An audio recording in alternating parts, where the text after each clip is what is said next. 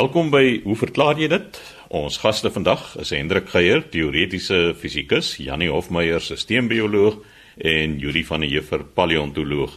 Hendrik, ons begin by jou en jy gesels oor swaartekrag. Ja, Chris, ek het hier 'n hele aantal vrae wat op een of ander manier uiteindelik met swaartekrag verbind word. Ek sal hulle elkeen kortliks aan die orde wil stel. Baie dankie.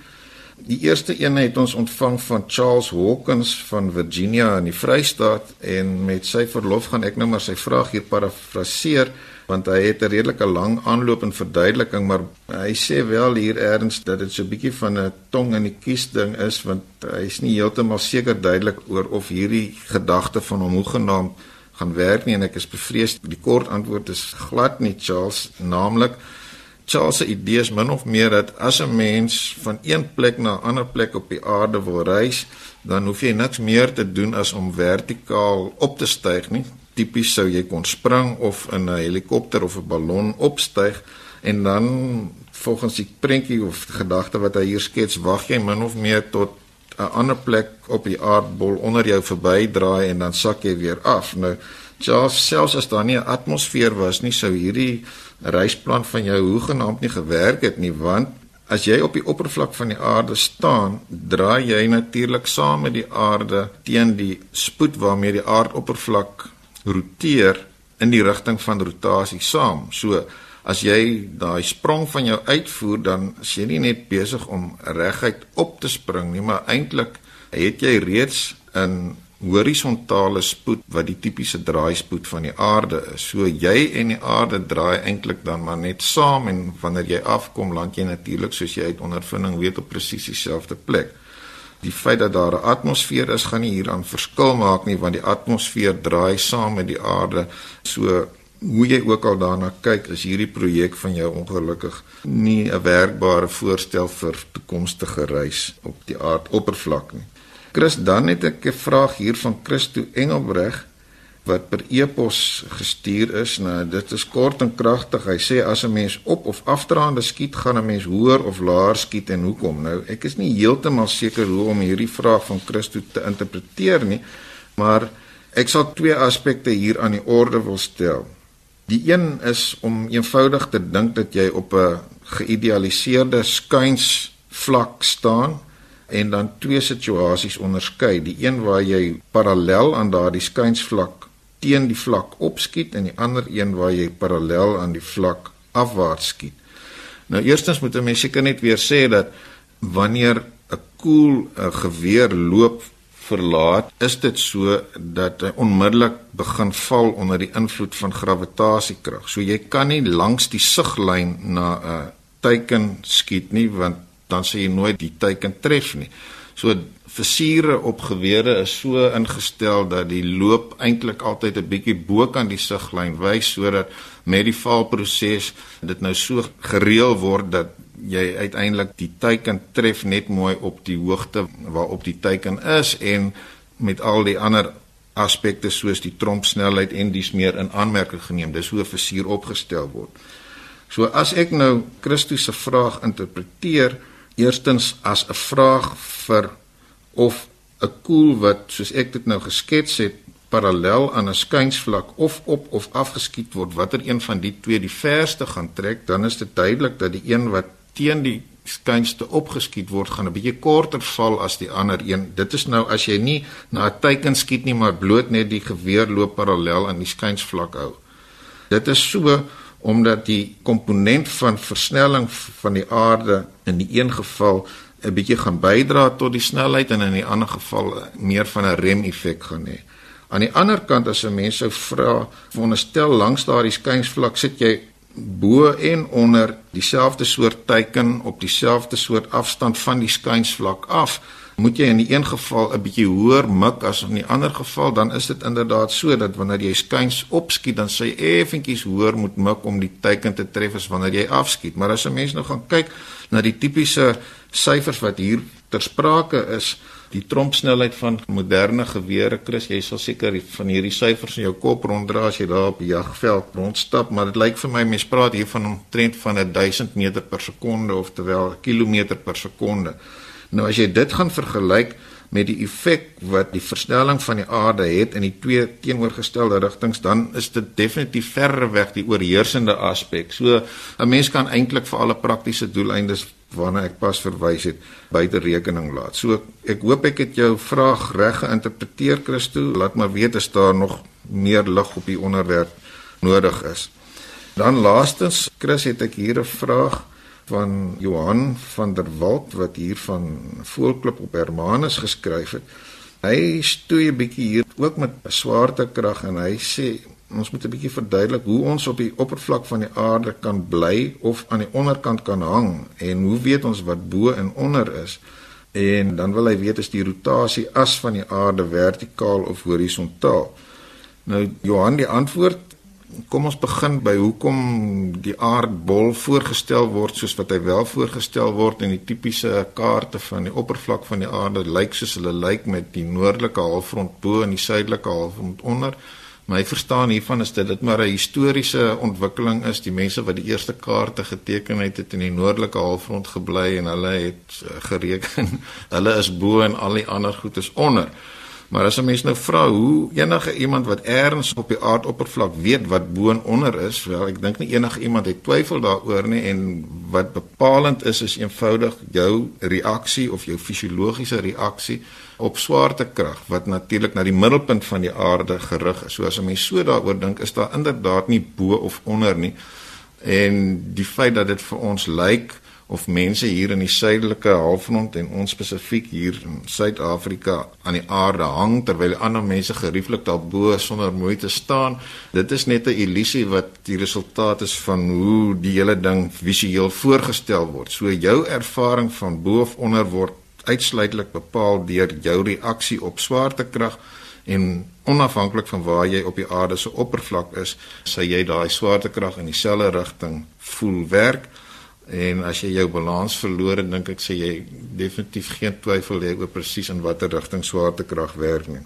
Net vinnig weer by die kwessie van die rotasie as dit is inderdaad so dat die aarde roteer om 'n as wat loodreg op die ewenaar is, maar daardie as hang 'n klein bietjie skuins in die baan soos wat die aarde om die son gaan en dit is natuurlik soos ons al hier dikwels bespreek het primêr die rede vir hoekom ons seisonale veranderinge ook op aarde ondervind soos wat die aarde om die son roteer. So dit net kortliks 'n reaksie op jou vraag Johan oor hoe weet ons waar bo en onder is? Die antwoord is die aarde se swaartekrag vertel ons op elke plek op die oppervlak presies waar bo en onder is. So sê Hendrik Geier, ons teoretiese fisikus, volgende aan die beurt Janie Hofmeyer, sisteembioloog. En Janie, jy het 'n vraag ontvang oor die braakrefleksbeweging. Ja, dankie Chris en môre kollegas en luisteraars.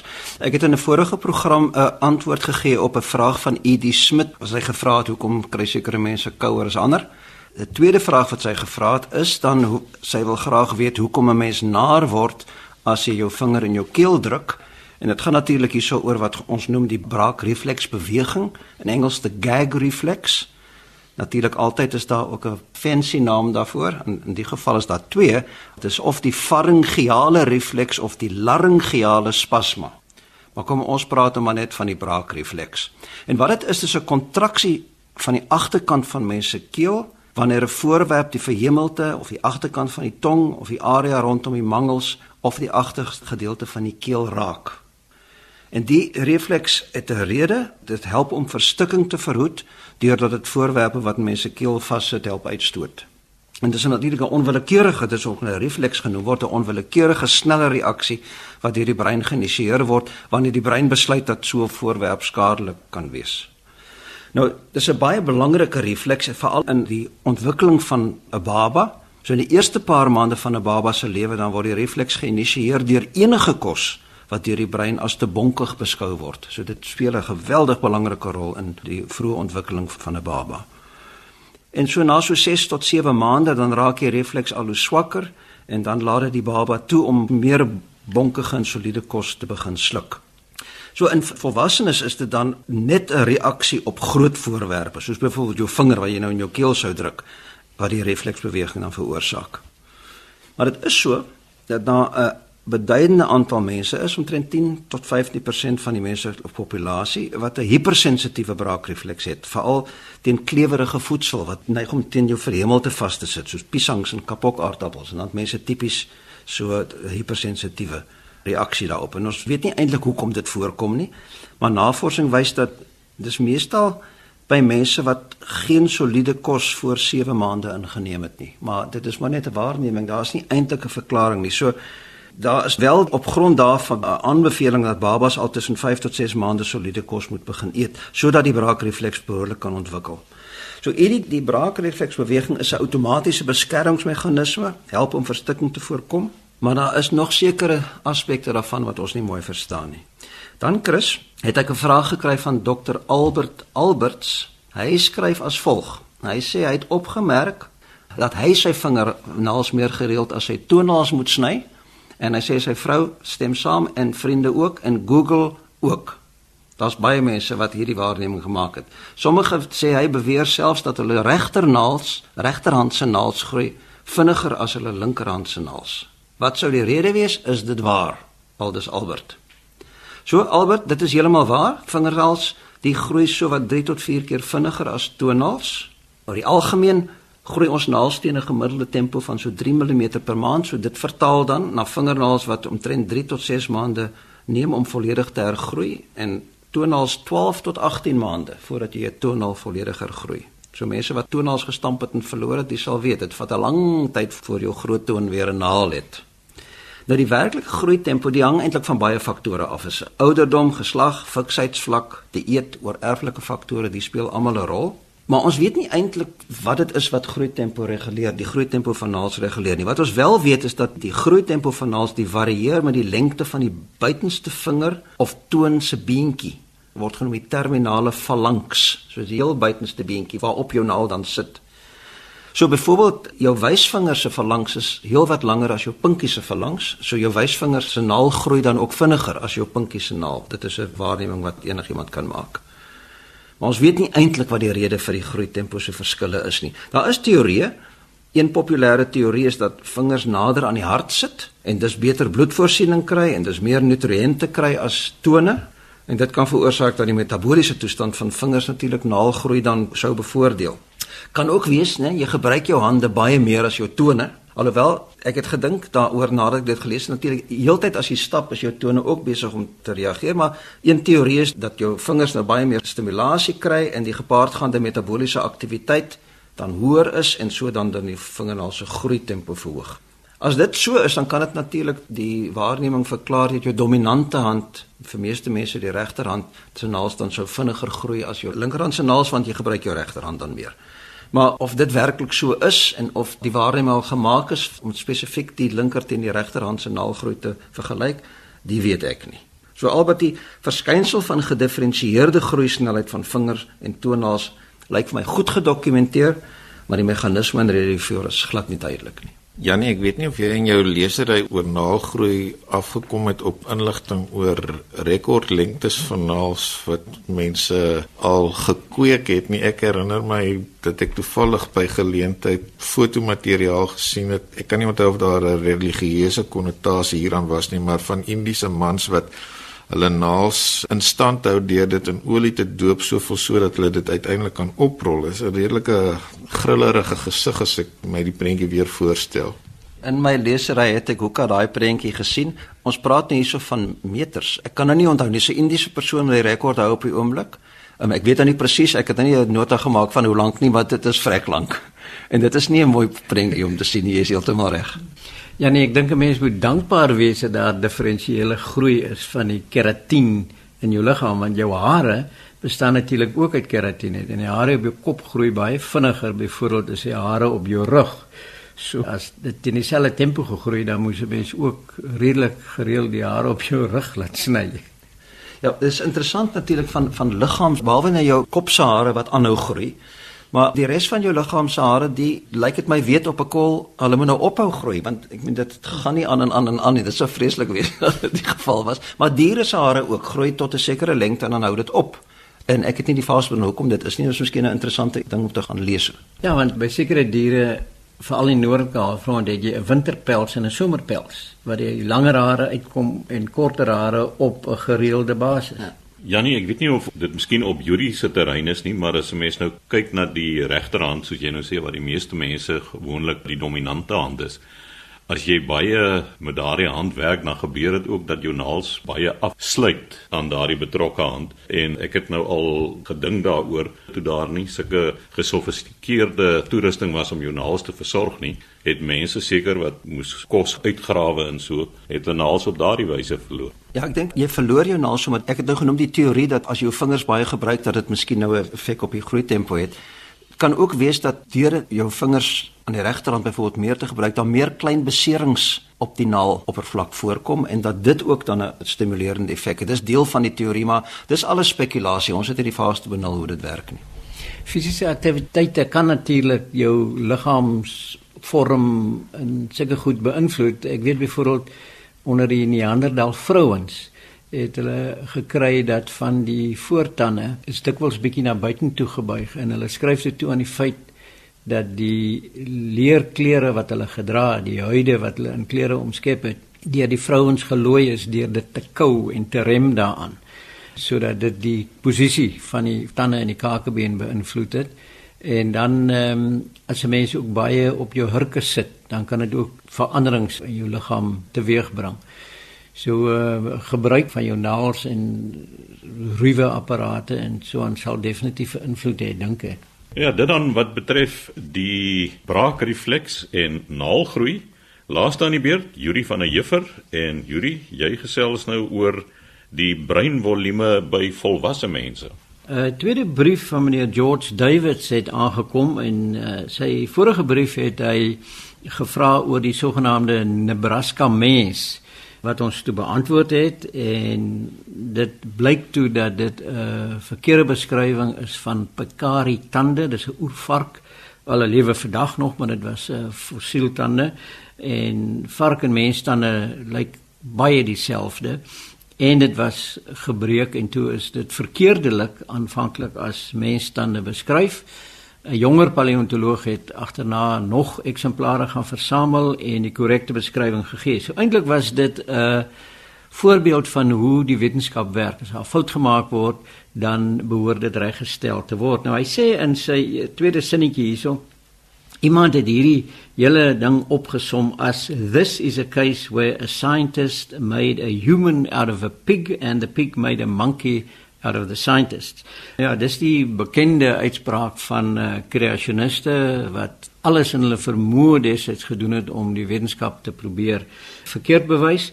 So dit is nou maar net 'n uh, insident in die geskiedenis, 'n interessante insident in die geskiedenis. Die feit dat foute gebeur in navorsing is waar. Ons kan miskien daai geweldige traumatiese gebeurtenis onthou. Ek dink dit was in die laat 70er jare gewees toe daar deur 'n Duitse firma die eh, middel thalidomide vrygestel is en hulle het beweer dat dit vir swanger vroue goed sal wees want dit help sou gehelp het vir oggendnaarheid en toe is daar natuurlik 'n hele klomp babas gebore want dit het veral die lang bene die ontwikkeling van die ledemate in die liggaam aangetast. So 'n klomp babas baie is oorlede gesterf selfs voor geboorte baie is gebore sonder ledemate En uh, dit is toe natuurlik reggestel. Dit word nie meer gebruik nie, maar interessant genoeg dat die domine word vandag nog gebruik by Tygerberg se navorsing by die mediese skool waar dit gebruik word vir uh, tuberkulose meningitis by kinders.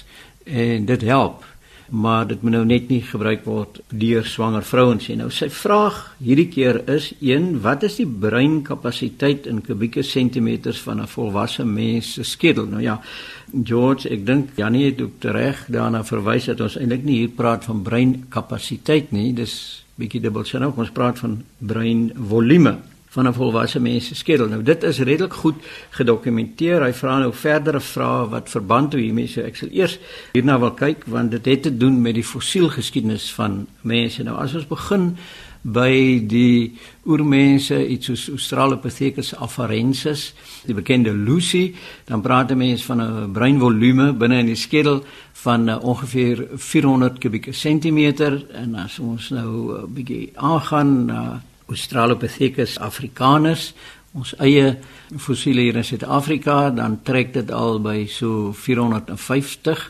cc. Nou uh, Lucy is omtrent so 3-4 miljoen jaar oud. Australopithecus africanus is min of meer 2 miljoen jaar oud. As ons daarna gaan na Homo habilis toe, die sogenaamde nutsman wat al gereedskap gebruik het, 640 kubieke sentimeter, dan volg Homo erectus. Ek los nou vir Sediba in hierdie fondse uit. Homo erectus het al 'n uh, skedelvolume van omtrent 1000 cc en verder as ons dan kyk na Homo heidelbergensis, dan is dit al naby 1200 net so diskant 1200 kubieke sentimeter en uiteindelik as jy kyk na die moderne mens dan staan ons hier by omtrent 1200 kubieke sentimeter. Nou dis 'n ding wat baie varieer, selfs onder moderne mense.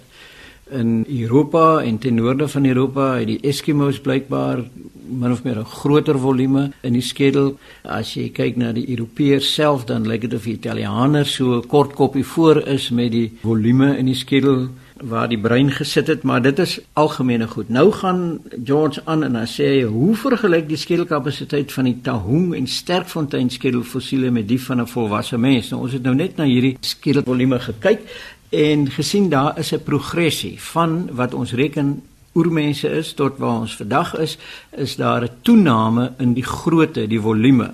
En 'n mens neem aan dat daar ook 'n toename in kompleksiteit sal wees want gepaard hiermee gaan daar ook 'n uh, toename in die kompleksiteit van gedrag die maak van klipwerktuie en meer verfynde werktuie ons het 'n tydperk wat strek van ouer na jonger so dit word geologies verantwoord deur te sê dat ons werk hier met toenemend jonger fondse sodat in totaal is daar dan hierdie komplekse ontwikkeling tot wat ons vandag as mense ken en tot 'n groot mate geleidelik nou sê hy of was die fossiele die van kinderskedels. Nou ja, die Tahung skedel, Australopithecus uh, africanus, was beslis 'n jong kind, hier so so tussen 3 en 5 jaar oud. Ek sien George het sy leeswerk gedoen, maar meeste van die ander skedels is die van volwasse mense, die Afrika weergawe van Homo erectus, die sogenaamde Nariokotomi seun,